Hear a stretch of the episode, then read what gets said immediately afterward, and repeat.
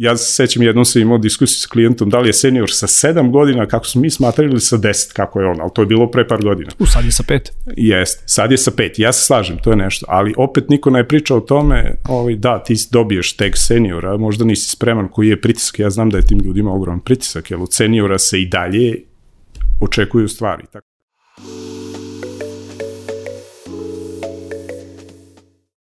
Poštovani slušalci i gledalci, dobrodošli u još jednu epizodu netokracijnog Office Talks podcasta. A, moje ime je Marko Mudrnić. Pre nego što krenemo, mali podsjetnik, preplatite se na naš YouTube kanal, kliknite na zvonce kako biste dobili obveštenje o najnovim epizodama. Takođe, Office Talks podcast možete pratiti i putem audio platformi, linkovi su dole u opisu. A, moj današnji gost je Dragan Gajić, CTO estonske kompanije Nortal. Sa Draganom danas razgovaramo, razgovaramo o gradovima budućnosti, ali i o drugim nekim zanimljivostima na kojima Nortal radi. Dragane, veliko mi je zadovoljstvo što si naš današnji gost. Dobrodošao. Hvala Marko, drago mi je da sam sa tobom danas. A, evo da negde krenemo za početak, a, gde počinje zapravo tvoja karijera, a, šta si studirao, koji je negde bio tvoj prvi posao, zašto si se zapravo odlučio za, za karijeru u, u tehnologiji? Ovaj, pa ajde od ovih lakših stvari, ja sam ovaj, završio prirodno-matematički fakultet u Novom Sadu. Ovaj, počeo sam da kodiram u prošlom veku, ali profesionalnu karijeru računam od trenutka kad sam zaradio prvi novac sa tim znanjem, a to je bilo u ovom veku, negde 2000-te. Ove, ovaj, a IT pa nekako bio je tu, zanimale su me i druge stvari, ove, ovaj, ja sam se bavio fizikom ranije, ozbiljno, pa sam teo da pravim avione i tako, a IT je nekako bio usput, ali nikad, nikad nisam video to kao svoju karijeru. Ali sam onda shvatio u jednom trenutku da ovaj, u IT-u, ovaj, kad programiraš, vrlo brzo vidiš rezultat, ne treba ti mnogo pripreme. A ja sam, IT je taj koji ima zapravo mogućnost da poleti, da se izradi. Da. Jeste, ali u suštini ti ako si inženjer ozbiljan, ti imaš sad tu neku pripremu da bi video da nešto radi, a ja sam imao tu potrebu da vidim da nešto radi, sad da napraviš, a s programiranjem ti je to vrlo lako. I nije toliko rizično, recimo elektroinženjer kad napravi grešku, onda to može bude ovaj, ozbiljno, ovaj, ozbiljne posledice. Ovaj. I ja sam to par puta osetio posle dugo godina bavljanja IT-em kad uzmem nešto da ovaj, radim oko struje, onda sam prosto nisam dovoljno oprezan, pošto u IT-u imaš pravo na grešku, jel, imaš bug i pa ga rešiš, jel, nema posledica. Tako da u principu ovaj, tako sam završio, radim ovo pa sad profesionalno zaista od, od 2000. preko 20 godina Ovaj, I programer sam ovaj, i dalje uspem nešto, ovaj, znači nije da sam nekad radio, čak sam prošle godine aktivno i ovaj, kodirao, ovaj, ali nekako na polovini karijere sam više pošao da se bavim ovaj, managementom, people managementom i tako, to je valjda ovaj, prirodno. Prirodni, prosto prirodni put ovaj razvoja jednog, jednog inženjera. Pa jeste, ali i dalje, mislim, volim da vidim kad stvari prorade ili kad ne rade, onda ovaj, je to no sleep, jel? To dobro je, taj... dobro je kad čovjek ume na kraju dana. Da. A, mislim, i sam si rekao da si u IT-u još ono, s početka 2000 mm -hmm. godina, dakle, zapravo s početka 21. veka i zaista u to neko vreme ovaj, je, jako mi je drago da nas ovaj, razgovaram sa tom kao s osobom koji ima, da kažem, ono, zaista dugogodišnje, ovaj, skoro ono, višegodišnje, više, de, više decenijsko iskustvo ovaj, u IT-u. A, kako se industrija negde razvijala možda tih nekih prvih yes. dana? Koji su neki ključni momenti koji su, koji su prosto tebi, da kažemo, ostali u sećanju, koji ti smatraš da su bitni kada, kada govorimo negde o domaćoj ovaj, IT uh, sceni i zajednici? Jer čini mi se opet nekako i kroz podcast koji radimo i, i, i prosto kroz, kroz netokraciju, možda se negde uglavnom i previše ovaj, fokusiramo na stvari koje su nove, koje su aktuelne, dosta je tu i kompanija i ideja i timova prošlo negde kroz, kroz ovih 10 godina koliko netokracija postoja i sam si da kažem duže na, na industriji. Koje su opet, evo još jednom da ponovim, dakle ti neki ključni momenti koje bi zapravo ovaj, istakao ili opisao kada govorimo o celokudnom razvoju naše, naše IT zajednice? Pa ajde, nije to počelo od 2000-te, naravno, ovde su ljudi radili ove programe za knjigovodstvo ili su radili u, veli, u firmama poput Energosoft u Novom Sadu, pretpostavljam da je ovde bilo, ovaj, ovaj, ali mislim ono što je ključno što se desilo je ovaj, to što su, naravno 90-ih je dosta ljudi iz Srbije emigriralo ovaj, u inostranstvo, I nekako moje iskustvo, moja prva firma je bila neka američka i to je naš čovek koji je tamo radio krenuo da donosi posao nazad je tako, jer je znao da ovde ima ovaj, e, ljudi i mislim da su tako i neke druge firme velike krenule, je tako? To su prosto naši ljudi koji su krenuli ovaj, da rade sa fakultetima i tako. Tako da tih 2000 ti to kreće, ja sam iz one generacije koja bi platila da mi neko da neki problem da rešavam. Mi uopšte nismo gledali ovaj novac, sad koliko god to sad romantično zvučalo, prosto tad nije bilo toliko posla, to nije, nije bilo lako da vi upadnete, sad to potpuno različito. Ovaj. Nije bilo toliko zahteva sa strane seniora. Pa ne, vi ste morali nekako ste upadali tako što znate neke drugare, nije bilo oglasa ili tako, nego to sve bilo u tako uskom networku, ovaj, uglavnom je i kretalo na fakultetima, bar u Novom Sadu, gde je to se omasovilo, verujem, ovaj, u Srbiji. Je tako? Tako da je to bilo, mi smo krenuli radimo za inostranstvo u 2000. Znači, mislim da je to onako ključna promena. I onda smo u tih prvih pa ne znam koliko, 6-7 godina stvarno učili od njih. Ove, ovaj, I ja pamtim recimo 2008. 9. je bila ona kriza, tu su stvari malo stale, ali je taj zastoj bio pa ne znam, ono, 9 meseci možda, ispod godinu dana sigurno. I iz mog iskustva tad je krenulo ovo. Znači, tačno 2009. ja znam, ovaj, ja sam radio u Leviju tad, ovaj, mi smo bili ispod 100 ljudi i ovaj, u tom trenutku je krenulo i nikad nije stalo. Znači, bilo je malo ono, kad se desila korona, to pamtim, to je stalno išlo tako, ali to kad se desilo korona, bili smo u varijanti da, to će sad trajati 2-3 meseca, ok, ono.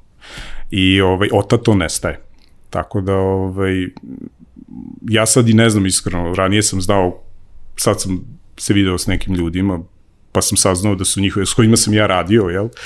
Da su njihove firme ono 700 plus ljudi i tako. To sad, znači sad je to, imate ljudi ovde, recimo Vega i Hatek, to su naši ljudi osnovali i to su vam ozbiljne firme, tako da mislim da je to sad onako za 20 godina vrlo ozbiljna industrija u Srbiji postala, ali pogotovo baš negde, ozbiljna. Da, da, da, slažem se, a pogotovo negde u poslednjih pet godina. Mislim, htio sam takođe da te pitam i kao, da li ti prosto vidiš ono kao, ako možemo možda da pričamo i o tome neke dobre ili loše stvari, prosto tog nekog ubrzanog rasta, jer na kraju dana i sam si rekao, znaš, e, kada govoriš sa ljudima ovde više i o potrebama samog zapošljavanja, ne nužno samo o tome kakva je trenutna situacija, to više nisu uh, želim da zaposlim par timova ili des, de, de, desetine ljudi, to su sada zaista stotine ljudi inženjera, dakle te potrebe su da kažem ovaj, ono nenormalno porasla, negde opet tržište ne uspeva da kažem da, da dovoljnom brzinom zapravo izbaci dovoljan broj eduko, edukovanog ovaj, kadra. Slažem se, ali prosto ovaj, potreba dolazi iz polja. Mi smo relativno mali u svetskim okvirima i vi tu nemate izbora. Mislim, ovaj, to je to. Vi ne možete sad ništa po meni da uradite, vi morate pratite ovaj, šta se dešava. Naravno, sve je about scaling.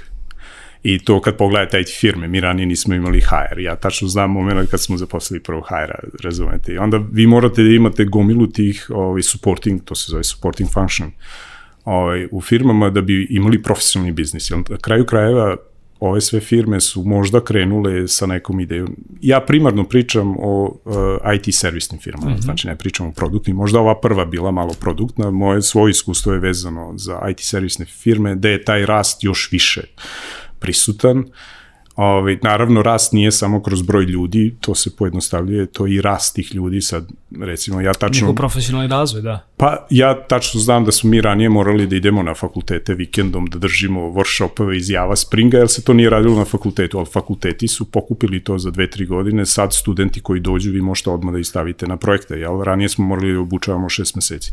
Znači, rast se ne dešava samo kroz broj ljudi, nego dešava se i kroz znanje koje fakulteti ovaj, daju dešavaju studentima, dešava se i, i ovaj, e, ljudima. Znači, rast je na sve strane i vi ne možete to da izbegnete. Imate naravno mana brzog rasta, nemate vremena da se konsolidujete, firme izgledaju haotično u IT-u, mislim, ceo IT od početka izgleda haotično zbog načina. Ovaj, izgleda i dalje. da, ali ne, mislim, ajde, fundamentalni problem software developmenta je količina izbora ili opcija koje imate. Jel? Vi kad pravite zgradu, vi imate dva tipa prozora, tri tipa vrata, sve vam je standardizovano, devijacija budžeta, kako su meni rekli, dozvoljena 3% i to je to na zgradu od 1000 ovaj, stanova vi znate šta očekujete, a vi kad krenete pravite ovaj softverski proizvod, niti je klijentu jasno, već ste okasnili, jel tako,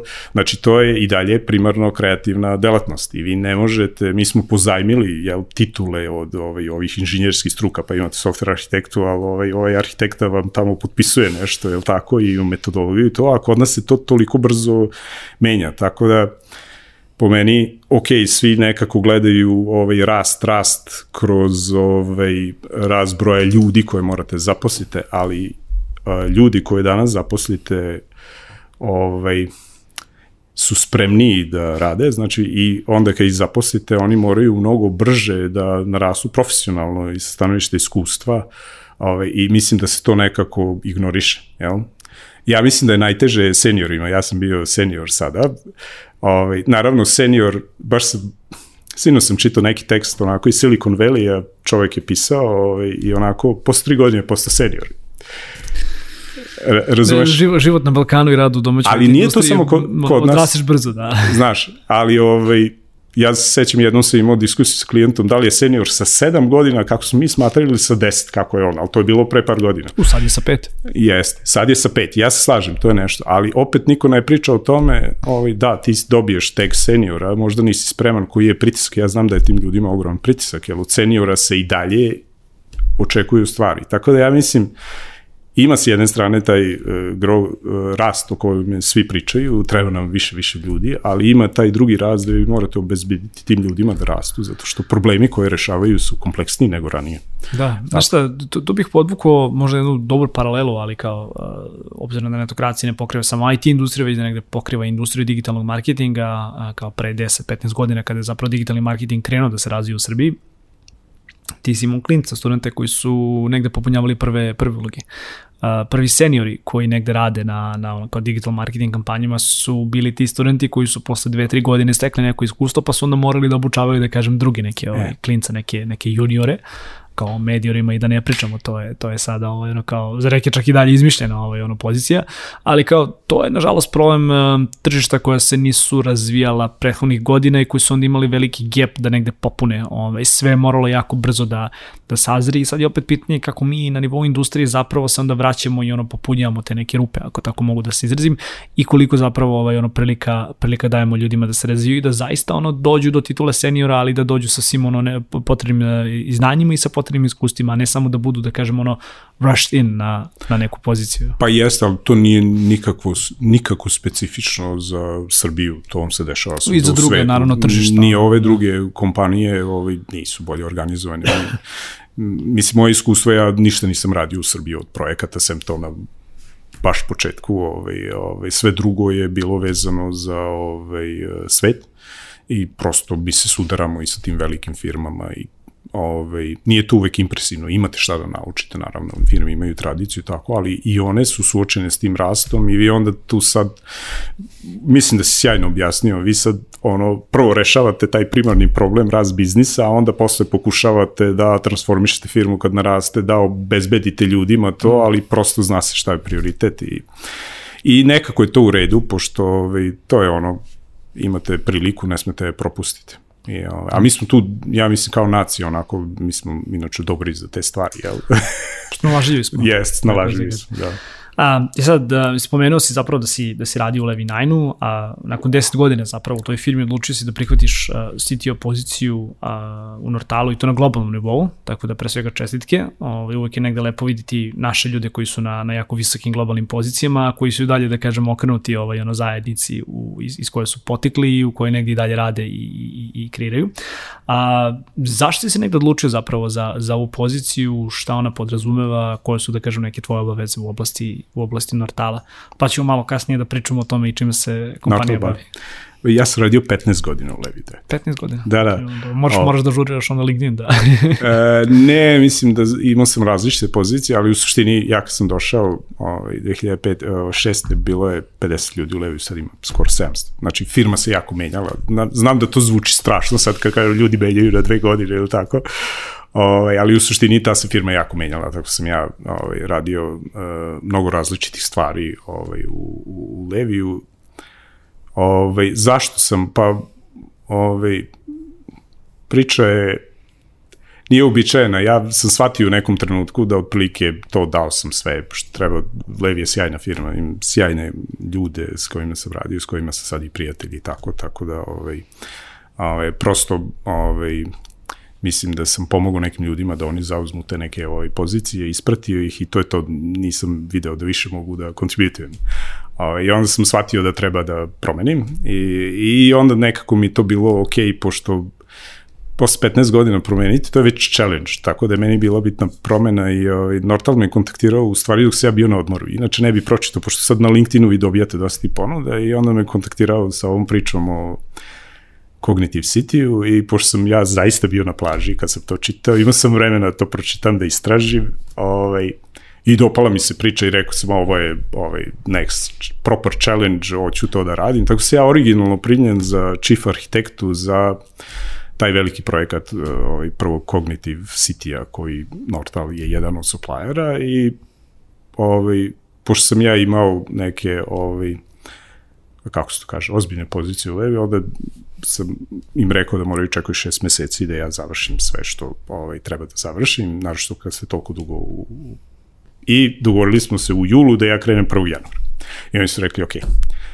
I umeđu vremenu ovaj, su me zvali, pošto ovaj, su videli moj CV, ja sam pola moje karijere se bavio ovaj, managementom, ono, line management, people management, ali sa sve vreme bio arhitekta. I onda su me pitali u suštini, ovaj, imamo poziciju ovaj, grup CTO-a, to je nova pozicija, da li si ti zainteresovan? I ja sam, ja sam nešto slično radio u Levi, ja sam bio tot lider celog Levija. Ovaj, I onda, ali to je bila pozicija uticaja, a ovo je bila, ovde sam dobio moć. ovaj, I on sam pričao s ljudima koji bi bili u timu i, o, i pitao sam šta treba da uradimo u Notalu i treba da uradimo transformaciju. Poslednji put da spominjem te izraze transformacija, strategije i tako, ovaj, ti bi slobodno ovaj, cakli ispod stola. Nismo još, nismo još, ovaj, nismo još pomenuli najskuplju od svih, to je digitalna transformacija. Tako, jeste, polako da, doći ćemo da, da, do toga. I, da. i kultura, ovaj, ali u suštini raditi to na tom skelu i naročito da vas prime. Većina IT firmi u Srbiji, sem ovih koje sam spomenuo, su zaista strane firme i mhm. ne puste vas na te neke pozicije. Ono to meni bilo razlog da prihvatim, jel? Ovaj, tako da je to priča, ja sam u suštini dobio promociju pre nego što sam počeo radim, to je onako... dobro je, pazi, dobro je samo ako nisi morao dva puta da ideš na razgovor za posao. pa ne, to je baš efikasno bilo, ovaj, ja sam pričao sa ljudima s kojima bi radio, naravno to mi je bilo bitno, pošto naravno na tom skelu ne možeš ništa uradiš sam. Ovaj, ali e, suština je, ono što hoću kažem, mene su kolege iz Srbije promovisale u centrali, iako sam ja njima suštinski napravio problem, jer ovaj, sad im fali chief arhitekta, ovaj, tako ako ima neki dobar chief arhitekta, mislim, ovaj, ja sam osjećam responsible, da, da. Ko sluša ovaj podcast, da, neka se, neka se. Da, ali u suštini jeste zaista, ovaj, to, je, to je priča, tako sam ja, može se reći, i slučajno završio, ali za mene je već bilo ovaj, da promeni environment, ovaj, dobar environment, ovaj, posle 15 godina, to je već bilo dovoljno. A ovo je sad eskaliralo već na Neki nešto... Što... Prihvatio izazov pa si onda dobio još jedan izazov. Jeste, i u suštini, ovaj, verovatno je ljudima čudno, neki se ljudi ovaj, ozbiljnije bave svojom karijerom, a ovaj, meni je zaista bitno šta radim. Tako da, ovaj, i nekako se to uvek namesti, to je moje iskustvo, tako da, evo, kada već govorimo o tome da ti je bitno šta radiš, a šta Nortal radi, čime se kompanija bavi, malo da nam daš neki ono istorije od kompanije, ono što ja znam jeste da se da kažem radili neke zaista velike po, uh, projekte na Bliskom istoku. Mislim raditi i danas pričat ćemo i o tome, o, i u domenu da kažem negde uh, e-uprave, e-zdravstva, takih nekih stvari svakako ćemo I pričati. I citizenship, svi IT-evci su čuli, mm -hmm. pa Nortal je bio jedna od -hmm. firmi koja je napravila estonsku digitalnu, tako je Nortal i krenuo pre 20 godina u Estoniji, Estonska država je, inače, Estonija je mala, znači milion i pol stanovnika, milion šesto, ali su vrlo digitalizovani i prosto ovaj, njihov premijer, ja sam kasnije malo to gledao, ovaj, prethodni je vrlo bio za to.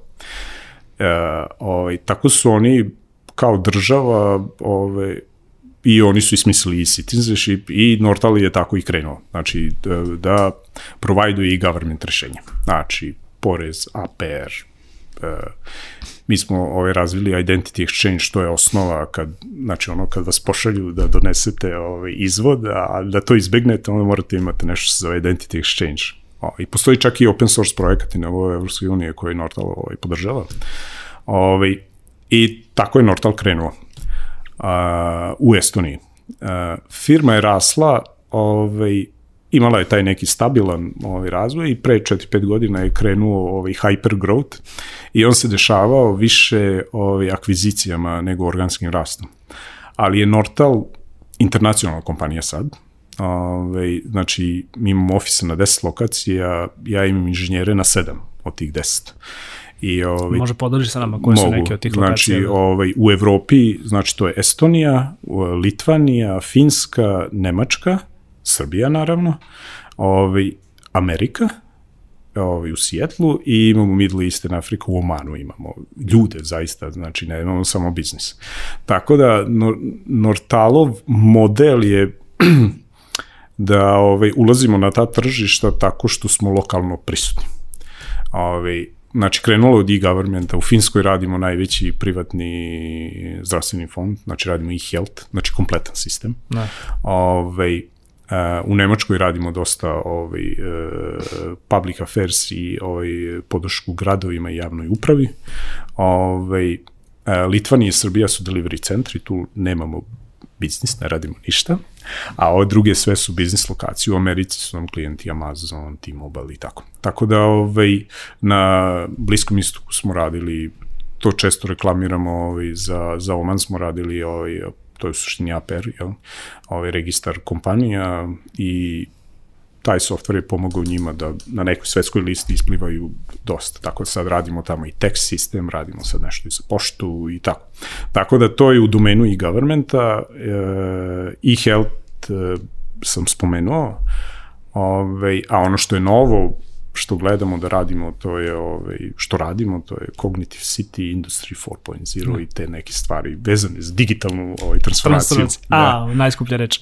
Da. A, ja pre neko što zapravo, kao, mislim, to nam negdje jeste ono krona mm. tema današnjeg podcasta, ali, ali moram odmah da te upitam kako izgleda Nortal danas u, u Srbiji, negde koliko ljudi zapravo imate ovaj, da. zaposleno, koje su, da kažemo, uglavnom neke ono role kroz koje, kroz koje ljudi prolaze, projekti na kojima rade, da li od svega pomalo ili smo, da kažem, baš odavde zaduženi za, za jednu stvar koja se se, koje se radi ovde? E, Nortal je jako narasto od, od jula, tako smo sad blizu 100 ljudi, imamo ofis ovde u Beogradu, pored ovaj, ETF-a, ali ćemo ovaj, gledati celu lokacija, Srbiju. Da. da, odlična je lokacija. Ovaj, e, tako da smo sad blizu ovaj, 100 ljudi, e, globalno je Nortal 1200, ovaj, rastemo kao i svi, e, uglavnom imamo seniore, a, najviše radimo na Cognitive City iz Srbije, ali radimo i Oman, čak neki kolege su i živele u Omanu i tako ranije pre korone, godinama deca im se rodila tamo, sad neki opet idu.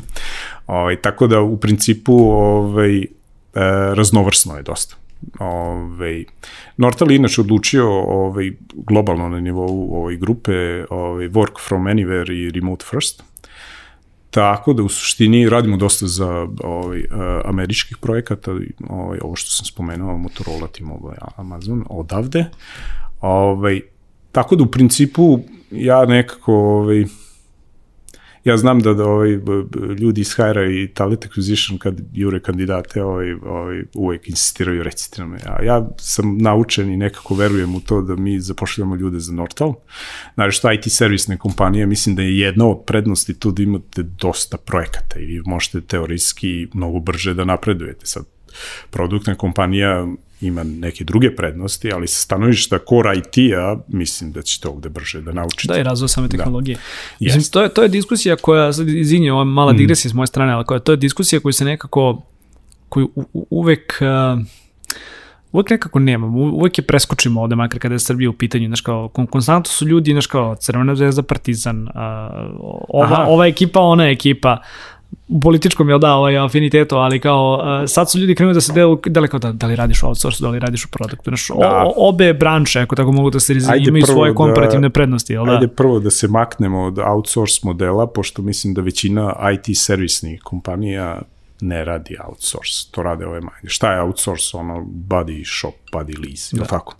Mislim, do nivoa da rentate i office space za klijente, jel? To Ima firmi u Srbiji, ali sve ove velike vam, vam nude... Zapravo ključni strateški partneri na tim projektima, da? Pa jeste i nude vam mnogo, mislim, u IT servisnoj industriji možete nuditi eksperte, konsultante, vrlo prosto na nivou ljudi koje preprodate, platite ih x, prodate za y i to vam je business case. Možete nuditi cele timove, ovaj, možete da nudite rešenja i možete da radite digitalnu transformaciju, možete da radite ogromne projekte. A ako radite digitalnu transformaciju, tu gde se Nortal pozicionira. I neću kažem da ne radimo i ove druge stvari, pošto vam je to način da uđete kod nekih klijenata, gurnete najbolje ljude, pa izbilate tras, pa vam daju nešto veliko. To je isto ovaj common pattern, znači, a gurate najbolje onda konsultante. Ovaj, da bi radili nešto što zovete rešenje ili digitalnu transformaciju i ne možete imati samo inženjere. Znači, Nortal na ovih 1200 ljudi ima oko 700 inženjera, ali mi imamo 100 ljudi koji rade produkte CX. Mi imamo ljude koji rade strategic consulting. Mi imamo, razumete, znači, mi kad uzmemo projekat, to nam je ono 100 ljudi i 4 godine i radimo sve. I to je gde želimo da budemo. Sad, ne kažem da sve firme tako rade, ali znam da svi, svi žele to da rade i svi rade na tome. Tako da u 2020. nazvati ove velike firme sa 500 plus ljudi da rade outsource, nije, to je nije cool, da. potpuno da. nefer i pogrešno.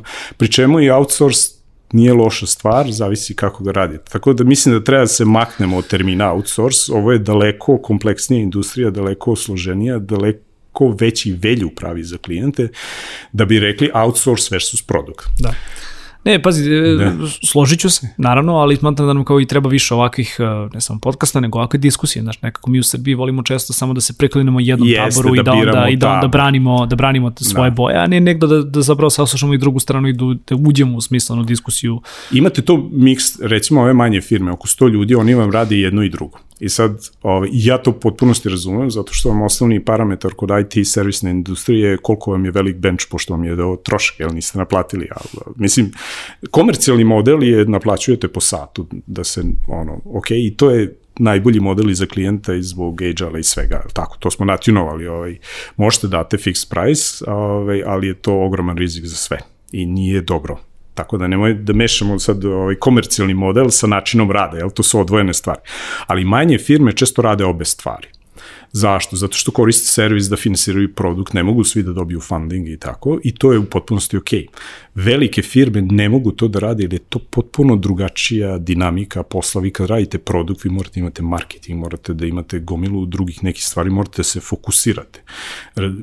I ja verujem da većina firmi koje rade produkte koje tvrde su IT firme, nisu IT firme. Razumete, one koriste tehnologiju zato što je to digitalna transformacija, to je disruptive, tako prave razlik, ali u suštini to nisu IT firme, ali imaju velik IT departman i tako, ozbiljno rade IT, ali je tu prioritet neki drugi, pošto on je ovaj, multiplikacija kapitala potpuno različita, jer u da. servisnoj industriji je pretty straightforward, ali u servisnoj industriji mi moramo da taj IT koji nudimo kao primarni servis, šta god radili, Mi moramo to da natinujemo. Nama je fokus na IT.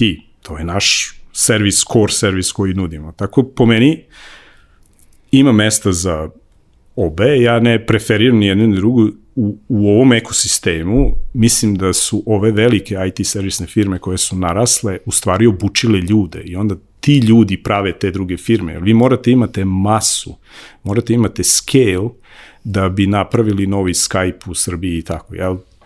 Možete da imate ideju i da neko izgura nešto sjajno, ali će da se nauči. A sad, sa tom osnovom, tako da u tom ekosistemu, jel, celom IT-a u Srbiji, svako ima svoje mesto i tu je zato što ima smisla da bude tu, a ne zato što je to nešto pogrešno, jel?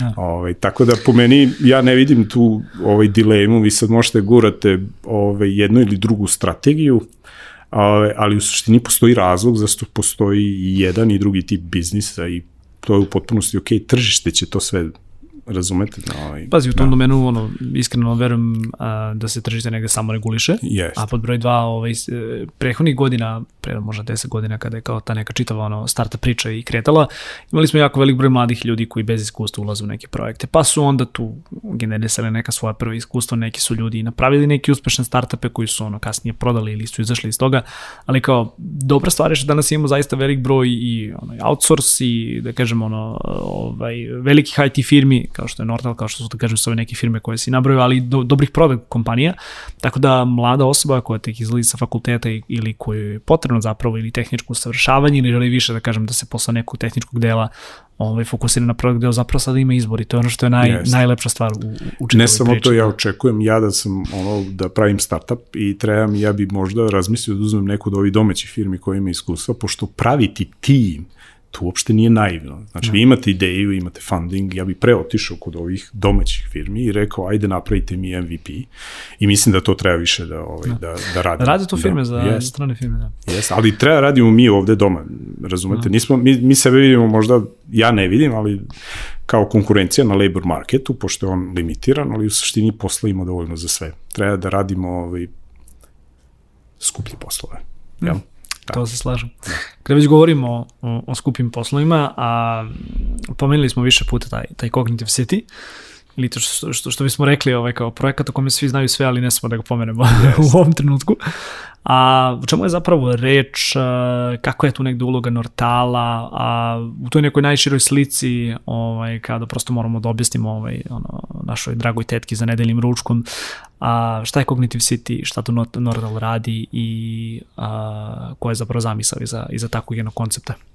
Dobro, ima tu nekoliko stvari koje prave razliku. El, Cognitive City je vrlo, vrlo smart city koji sad da imate AI koji prati šta se dešava i otprilike ovaj, radi stvari upfront, ne morate inicirate, optimizuje potrošnju energije, ovaj, recimo eh, krenete evo sad bismo ovde došli taksijem zbog parkinga, jel? O, ovaj, ali otprilike možete da zamislite ako je sve uvezano, imate sve data source-ove podatke i tako, vi kad znate da imate sastanak ovde u netokraciji, vama neko odjedno naruči taksi, taj taksi će stigne na vreme, ovaj, pada kiša, otići u garažu, ovaj, ili ako idete u pozorište, ne morate da uradite tih te stvari sami, ili tako? To su, su neki banalni primjeri, ozbiljniji primjeri su recimo potrošnje energije.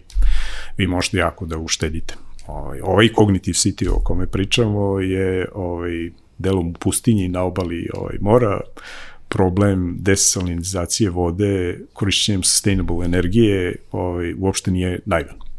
Na tom voljumu. Jel? Tako da ne, Nortal ne radi to, to radi nekada ovaj druga firma. Mi smo IT supplier, jedan od, i u principu od zanimljivih stvari koje radimo ovaj, uh, za Cognitive City, ovaj, Cognitive City sedi na podacima. Znači, suština ovaj, Industry 4.0 je interconnectivity, ba, ali i količina podataka koju I obrat tih istih podataka i, i primjena saznanja, da. Tako da, ovaj, Vi sad kad pričate o obradi podataka i ja e AI-u koji ovaj, jel, donosi odluke na data driven, ovaj, na osnovu podataka, vi tu imate dva pristupa. Jedan je da napravite data lake, ovaj, to vam isto kao data warehouse, samo skalirano, jel, gde pokupite gomilu data source-ova, to transformišete, stavite snimite u izvornom formatu i stavite na jedno mesto da sad svi mogu konzumuju te podatke i prave gomilu tih pametnih stvari. Uh, uključujući AI i machine learning. Ovi, mi smo odlučili za ovaj projekat jedan relativno nov pristup koji se zove data mesh, tako da u suštini, pošto ovde ima dosta IT ljudi, a ja sam CTO, ajde da je pričam o ovih drugih stvari, da pričam o tehnologiji. Zbuni, da, zbuni voditelja, da, to da, je dobra taktika. a, da, dobro. Ovaj, ajde, probat ću da objasnim onda voditelju. Se, da. Šalim se, naravno. Data mesh je, pošto je data lake centralizacija podataka i vi sad tu imate ovaj, izazove ovaj, ownershipa, pa ja ću mm -hmm. probati što manje engleske reči da... Ovaj, pa vidi, slobodno da, koristim, obzirom da. da su nas, da kažem, već više puta kritiku, ali bože moj, misli, tako je priroda da, posla. Da, prosto dnevno više pričam na engleskom, pa mi je neka teško, ovaj, ali ovaj, u suštini ovaj, e, vi imate ovaj, podatke, podaci u nekom gradu se generišu sa svih strana. I kada pravite data lake, vi morate da napravite data pipeline-ove, da te podatke ovaj, sakupi, stavi na jedno mesto, to sad rešate na nivou infrastrukturu, imate cloud, privatni, ovo to skalira, nije više toliki problem. Košta, mhm. ali ne Može toliko kao ranije, da. da. A, ali imate taj suštinski problem da ti data pipeline-ovi kad ovi promene gore su ovaj, ono, puknu ko sad to treba da opravi, niko ne osjeća ovneš i drugo, limitirate se, ja. A, tako da je nova paradigma se zove data mesh, to je decentralizacija ovaj, podataka i u principu to se svodi na to da vi ekspozujete podatke ovaj, na način da drugi mogu da ih otkriju, pošto cela ideja ovaj, data driven je da će te podatke da koriste oni koji znaju koja je priman tih podataka, ne nužno IT-evci. Mi IT-evci vidimo sebe kao neko ko će da izgeneriše velju upravo ono, a u suštini globalni trend je da ovaj, industrija, ovaj, tehnologija pomogne ljudima koji znaju šta im treba da sami to dobiju. Dakle, data mesh je uh, bitan e, zbog toga i naročito je bitan za grad, tako smo mi, ono, kad smo evaluirali to, ovaj, doneli odluku da idemo to, to je relativno nova stvar, jel? u IT imate dosta buzzwordova, sad imate vi metodologiju, skoro izašli knjiga od šest strana na tu temu, ali to je jedna od prvih, jel?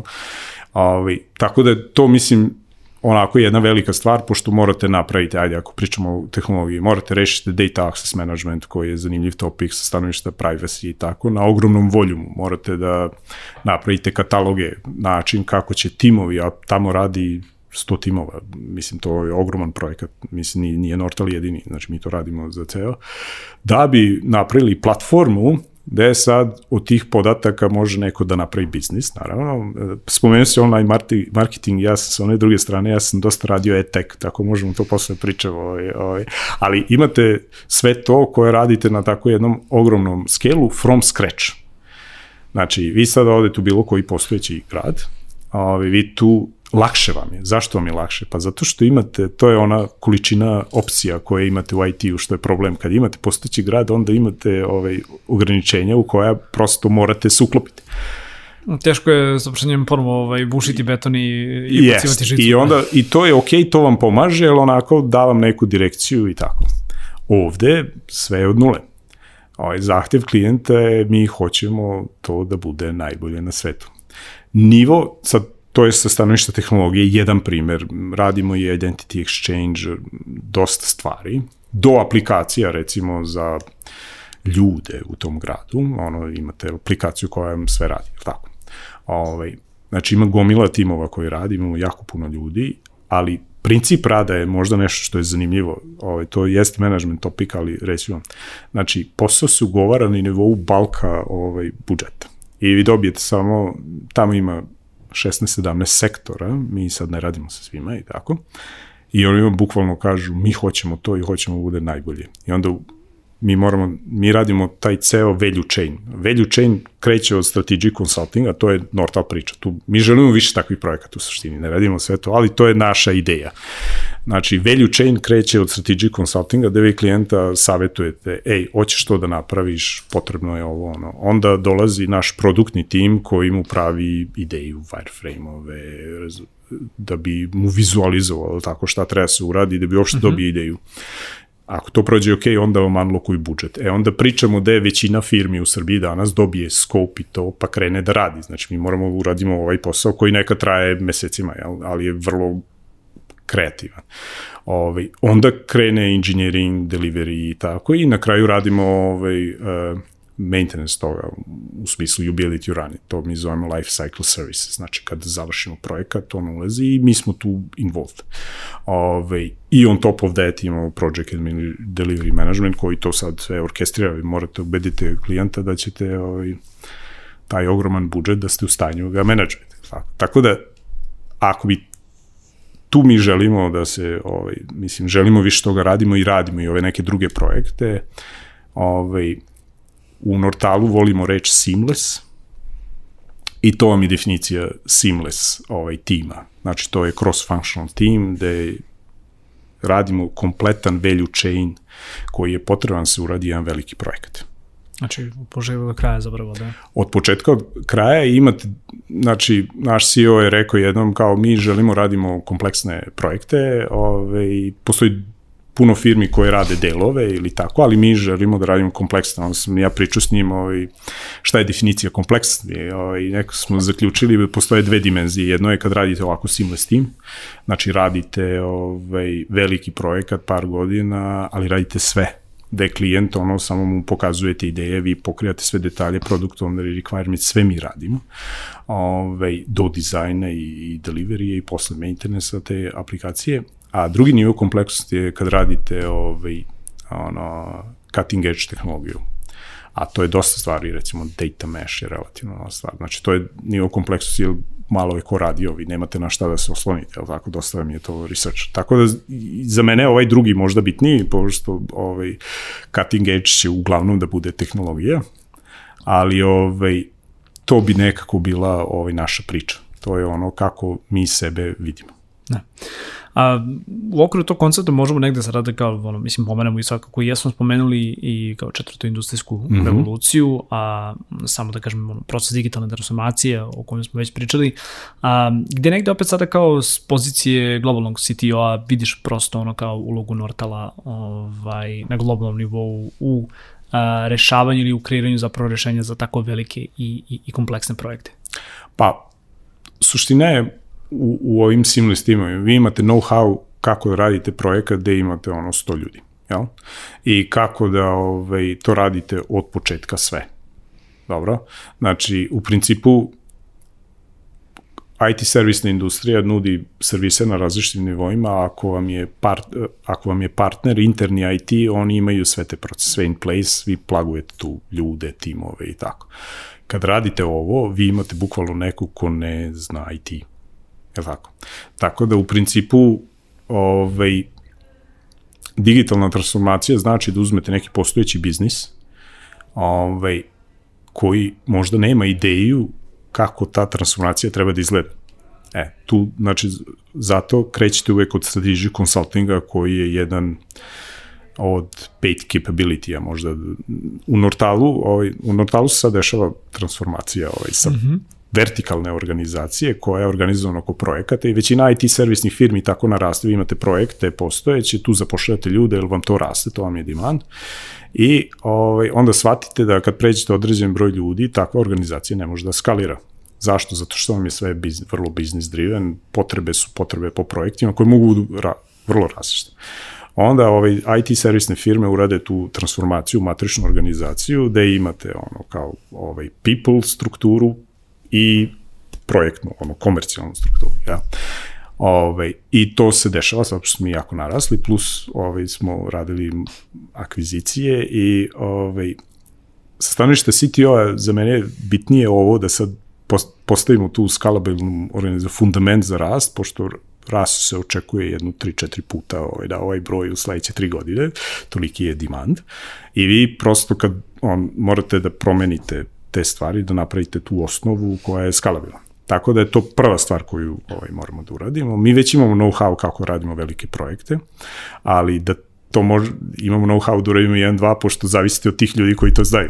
Kako sad to da skalirate na 5000 ljudi, to je potpuno druga dimenzija problema i to koliko sam ja u, onako u kontaktu s ljudima u Srbiji, dosta firmi koje su narasle, a sve su naglo narasle u prethodnih par godina se bori s tim. I onda dobijete to kao IT firme su organizacije, ja ne znam kako ovo radi. Pa nisu, nego ovaj, i, inicijalno je biznis krenuo oko projekata, to je krenulo rasti i, i odjednom vi od ono 50 ljudi imate 300. Razumete? I onda imate mnogo više projekata. drugačiji su, da kažem, međuljudski odnosi i sve, sve. sve ode u neku Tako drugu da, stranu. Da. u principu, mislim da se razumemo, mera uspeha svake IT servisne kompanije je rast, rast i samo rast. To nema, ovaj, to, to vam je to. Ovaj, kao svaki biznis i to se vrlo lako translira na broj ljudi, pošto je biznis model takav, jel? Nije rast samo, mislim, rast je u revenju, ne u broj ljudi, ali ovde vam je to skoro ja, jedan jedan. Korelator. Jest, da. da. Tako da u principu, ovaj, da bi bili, vi imate firme po 60, e pa mi još 60.000 zaposleni, tako, mislim, mi nismo blizu toga, ali u suštini želimo da se fokusiramo na digitalnu transformaciju i mislim da je ključna razlika što želimo da ponudimo kompletan value chain. Ovaj, a to je ovo što da krenete da advajzujete klijenta šta znači za njega digitalna transformacija, da mu napravite bukvalno sve te aplikacije sisteme, da, ovaj, da ga advaj, i, na, i da onda dođe do deliverija, do inženjeringa, što je moj posao. Mislim da je to ključna razlika. Da.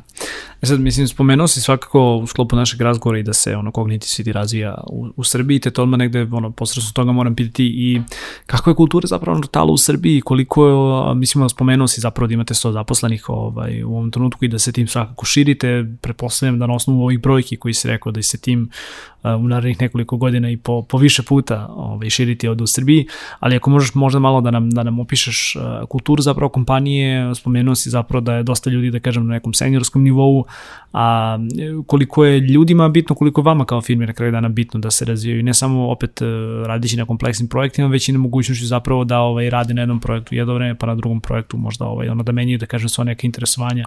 Koje su to stvari koje, eto da možda sumiram pitanje, koje su to stvari koje, da kažem, negdje ističu Nortal u odnosu na, na druge slične kompanije koje, koje posluju ovde?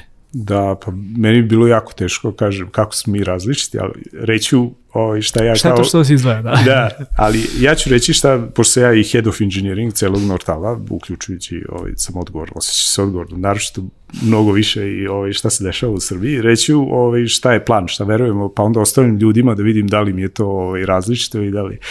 Znači, ovaj, mi smo nekako doneli odluku da je ovaj personal development jako bitna stvar i da to pravi razliku. Vi možete sa svašta naučite ono online, ali ono sednete s iskusnim kolegom, ovaj, ništa nikad neće moći da zameni. Tako da, ovaj, zato ja kažem, super su ti projekti, ali mi ćemo imati mnogo projekata, meni je mnogo bitnije ovaj, taj engineering mindset u firmi, a on bi trebao idealno bude ovakav, sad vi si to ovaj posao da ga napravi ovaj, sa kolegama, ali ovaj, ovaj, ljudi naravno da ovaj kada e, vaš ono personal development growth, ovaj rast u firmi se dešava na projektima. To je jedina prava stvar. Vi, mi imamo i kom, ono, zajednice gde možete za učenje i tako, svašta nešto što rade druge firme, po tom ovaj, nismo različiti.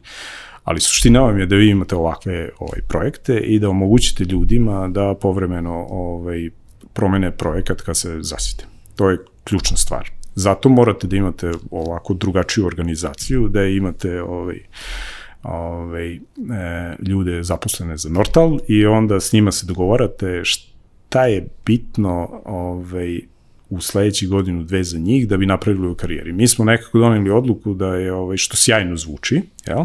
I, i druge firme su to uradile, da smo rekli ovaj, tvoj lični razvoj, profesionalni razvoj je u tvojim rukama.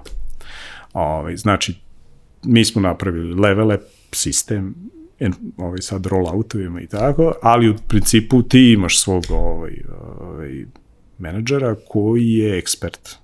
Pošto ja verujem u princip, expert should be led by experts. Tako da tvoj šef, to mi zovemo capability manager u engineeringu, je neko ko je samo iskusnih kolega, sad ne, ti trebaš da sedneš sa njim i da kažeš ja hoću da postanem senior. I onda se vi dogovorite šta ti trebaš da uradiš da bi postao senior. Zajedno zapravo radite to na karijernom Jeste, jel ne možeš da uradiš self-assessment sam, mora neko iskusnije sede i zato je jako bitno da tvoj šef bude Čak neko... Čak neko si previše kritičan, ne možeš to da, da radiš sam. Jeste. o, I ipak mi moramo da osiguramo nekakav standard, jel, across kompanije da senior developer nešto znači, jel, firmi, da, da imam. A, u tom smislu, samo brza digresija, da li su ono koji ljudi u Srbiji mečovani na, na istom nivou, ono sa, sa globalnim centrima? E, pa ja mislim da jesu, zato što... na, na, na skillset, ako, ako to Jeste, mi, naravno, sad, pošto Nortal je grupa od šest firmi koje su akvizirane u prethodnih dve, tri godine i neću da kažem da je to savršeno, ali mi je to visoko na listi prioriteta. Jedino što mi ćemo poziciju u Nortalu urediti da se ljudi zovu software developeri. Ja neću staviti, mislim, ja ne verujem da ljudi treba da budu Java software developeri, .NET software developeri i tako. Ja sam protiv toga. Vi ste developeri, koristite tehnologiju, rešavate probleme. Koju tehnologiju koristite, to je vaše iskustvo. Dobro, pa to je ne, neobično teško, ja se godinama borim protiv te navike, zato što prvo Java ne znači ništa, evo vidi, imate znanje frameworka i tako, to je vrlo širok topik i ja sad naravno da ljudi žele kada advertajzuju, menadžeri znaju da bi bukirali timove, ali to ne treba rade, ima ko će to da radi, ko razume te nijanse. Drugo, sastaviti tim od pet individua ovaj, nije uopšte lako, ali morate poznati te ljude. Tako ćemo mi to sve prebaciti u ove, ove capability da bi biznisu omogućili da se fokusira, tako u suštini šta to znači, ne treba project manager da sastavlja tim, on treba da se brine o budžetu i projektu, a ovo će da radi neko drugi. Ovaj, uključujući i advice, ovaj, odnosno savete u vezi karijere, ali na tebi je da odeš, ako se dogovorimo, trebaš da improvuješ ovaj, da unaprediš ovaj, soft skillove ili nešto drugo, ovaj, ti ćeš da odeš, da pričaš sa menadžerom projektu i kažeš ja da bi postao senior treba to, ajde pomozi mi tako. Znači, u principu, mi imamo to koliko... Konstantan rad na sebi manje više, da. Jeste, ali mora da bude ipak nekako strukturirano. Ja ne verujem u procese i procedure, pošto one sprečavaju ljude da misle. Mislim, moraju svi da razumeju kako nešto funkcioniše, znači morate konstantno da objašnjavate, ali stvar se zaista svodi na to da smo mi kao kompanija odlučili da kažemo ti si odgovoran za svoju karijeru, ali mi ćemo ti omogućiti, ne, ne možeš to samo da kažeš, tako da mi imamo razne mehanizme kako to radi, inače AWS recimo tako radi, ovaj, vi odete, kolektujete feedback ili položite neke sertifikate, ovaj, i dođeš kod vaš menadžer i kažeš ja sam uradio to i on kaže čestitam ti si senior, a ne da mhm. menadžeri moraju konstantno da pušaju ljude, pošto ja verujem isto tako da ovi people menadžeri treba budu ovaj, ljudi iz struke da rade to part time. To je model koji sam ja video da najbolje radi. Ne znači da je jedini na ovako velikoj organizaciji morate dozvoliti ljudima da to rade na različite načine, ali otprilike to su neke stvari u koje mi verujemo u Nortalu i sa ovim pozicioniranjem na tržištu e, želimo da uzmemo ovaj kompleksne projekte da bi ljudi imali pravi challenge. E sad ljudi moraju da odluče koliko je kredibilno ovo što ja kažem i koliko je to njima bitno, pošto da. nije svima sve bitno. Tako da, yes. evo, to, to mogu da kažem, da li smo, ne kažem da smo različiti. Ok, verujem da većina firmi pokušava to da ovaj, uradi, ovaj, ali to je neka naša priča. Da. Hvala ti. Evo, za kraj nekdo ostano mi još toliko vremena moram da te pitam a, koje su neke trenutne pozicije zapravo koje, koje Nortal ovaj, zapošljava i ukoliko možeš da, da govoriš ovaj, sa, sa globalne CTO pozicije, a koji su neki zapravo da kažemo ono kao short term, term to mid term planovi za, za Nortal u Srbiji, da li je to samo da kažem povećanje ovaj, ljudi ili planirate prosto druge neke stvari za, za Beogradsku kancelariju? Za poziciju ću biti potpuno otvoren, ne znam imamo jako puno otvornih pozicija, ali ja bih rekao da mi tražimo pametne ljude, pošto ovaj, ovaj, potencijal je ono što je bitno, ovaj, ne trenutno znanje i to isto moramo promenimo zato što kad radite scaling onda svi hoće da uzmu ono koji baš treba, a ovaj filozofija treba bude zapošljamo ljude za Nortal, a ovaj radit će svašta, nadam se. A što se tiče srpske ovaj, kancelarije, mi imamo tu leadership, tako ovaj, o, oni se zovu ovaj, Milan i Igor, pa računam da ćeš pričati ovaj, i s njima ili će, ili će biti ovaj, prilika, pa ja neću sad reći neke stvari koje ovaj, znači, spremam. Znači, onda moram, onda moram njih da zovem u podcast. Da. Jeste, zato što ovaj, ovaj, naravno ja sam tu, ovaj, živim u Srbiji, pa sam često u Beogradu i pričam s njima dosta, ali ovaj, pričam i sa drugima. Globalno to jeste rast. Prva stvar koja se dešava, se dešava ova transformacija kompanije. Ovaj, mi imamo, ovaj, širit ćemo se, ovaj, u Americi se širimo agresivno, ovaj, otvoreni smo i ovde u Srbiji, znači ovaj rast da, ali ovaj ono što je jako bitno je da sad ovaj pripremamo organizaciju za taj rast i to se dešava i to sve morate da radite u letu jer ne možete da zastanete. Ja sam imao sreću u mom prethodnom iskustvu da je kompanija rasla organski. I onda vi imate vremena da te stvari radite. Sad se to zove hypergrowth i vi prosto nemate taj luksus. Tako moramo to radimo ovaj, u letu, I, ali o, hoću ovo da kažem, u Srbiji ćemo zapošljavati više juniora, to mora da se desi, zato što ovaj, trenutno je tako ispalo, nije to namerno, nego prosto imamo huge demand, pa nam trebaju vrlo iskusni ljudi, ali ovaj, ja verujem u to, pošto mi imamo i tu obavezu, jel tako, kao kompanija, da zaposlimo ljude ovaj, bez iskustva, mi to možemo ovaj, i treba to da radimo, tako da ovaj, ovo sve o čemu pričamo ćemo uskoro ovaj, ovaj, početi da zapošljavamo ljude sa fakulteta, ovaj, Da, mislim, kancelarija da. vam je blizu ETF, tako da... pa... Što bi se reklo, odmah iza ćoška. Da. Jeste, ali ja nekako imam iskustva s fakultetima u Srbiji, više u Novom Sadu nego u Beogradu, ali znam da je ETF e, sjajan, znam da je RAF sjajan, znam dosta ljudi iz Fona u Nortalu, u Novom Sadu isto znam koji su, tako mislim, fakulteti u Srbiji stvarno to sad jako dobro rade, tako da ovaj, i mislim da, da uopšte nije... Zaista na njihov rad možemo da, da budemo ponosni, da. Jeste, i ja sam nekako i ne, učestvovao ranije i pomagao i tako, dok, ovaj, oni su bili vrlo otvoreni, bar je tako moje iskustvo da, ovaj, da se prilagode, to nije lako u IT-u, ali hoću da kažem, sada mi je jako teško ovaj, ovaj, zaposliti ovaj, te ljude, oni su već draftovani kroz stipendije i tako, tako da ovaj, e, i mislim da je to super. Vidjet ćemo šta nam budućnost donosi, mm. ne samo na tržištu ovaj, lokalne IT industrije, već i na tržištu pametnih gradova. Dragane, hvala ti puno što si bio moj današnji gost. Uh, verujem da smo načeli ovde uh, gomilu temu o kojima možemo ovaj, do sutra da pričamo, a nadam se svakako da će biti i u budućnosti prilike da, da, da sednemo i da, i da otvorimo neke, neke od ovih tema. A, dragi slušalci i gledalci, hvala što ste ostali sa nama do kraja. Još jedan podsjetnik, uh, ukoliko želite, preplatite se na naš YouTube kanal kliknite na zvonce kako biste dobili obaveštenje o novim epizodama koje izlaze svakog četvrtka u 10. A, takođe, Office Talks podcast možete pratiti i putem audio platformi, linkovi su dole u opisu, toliko od nas. Ovog puta mi se vidimo naredne nedelje. Pozdrav! Ćao!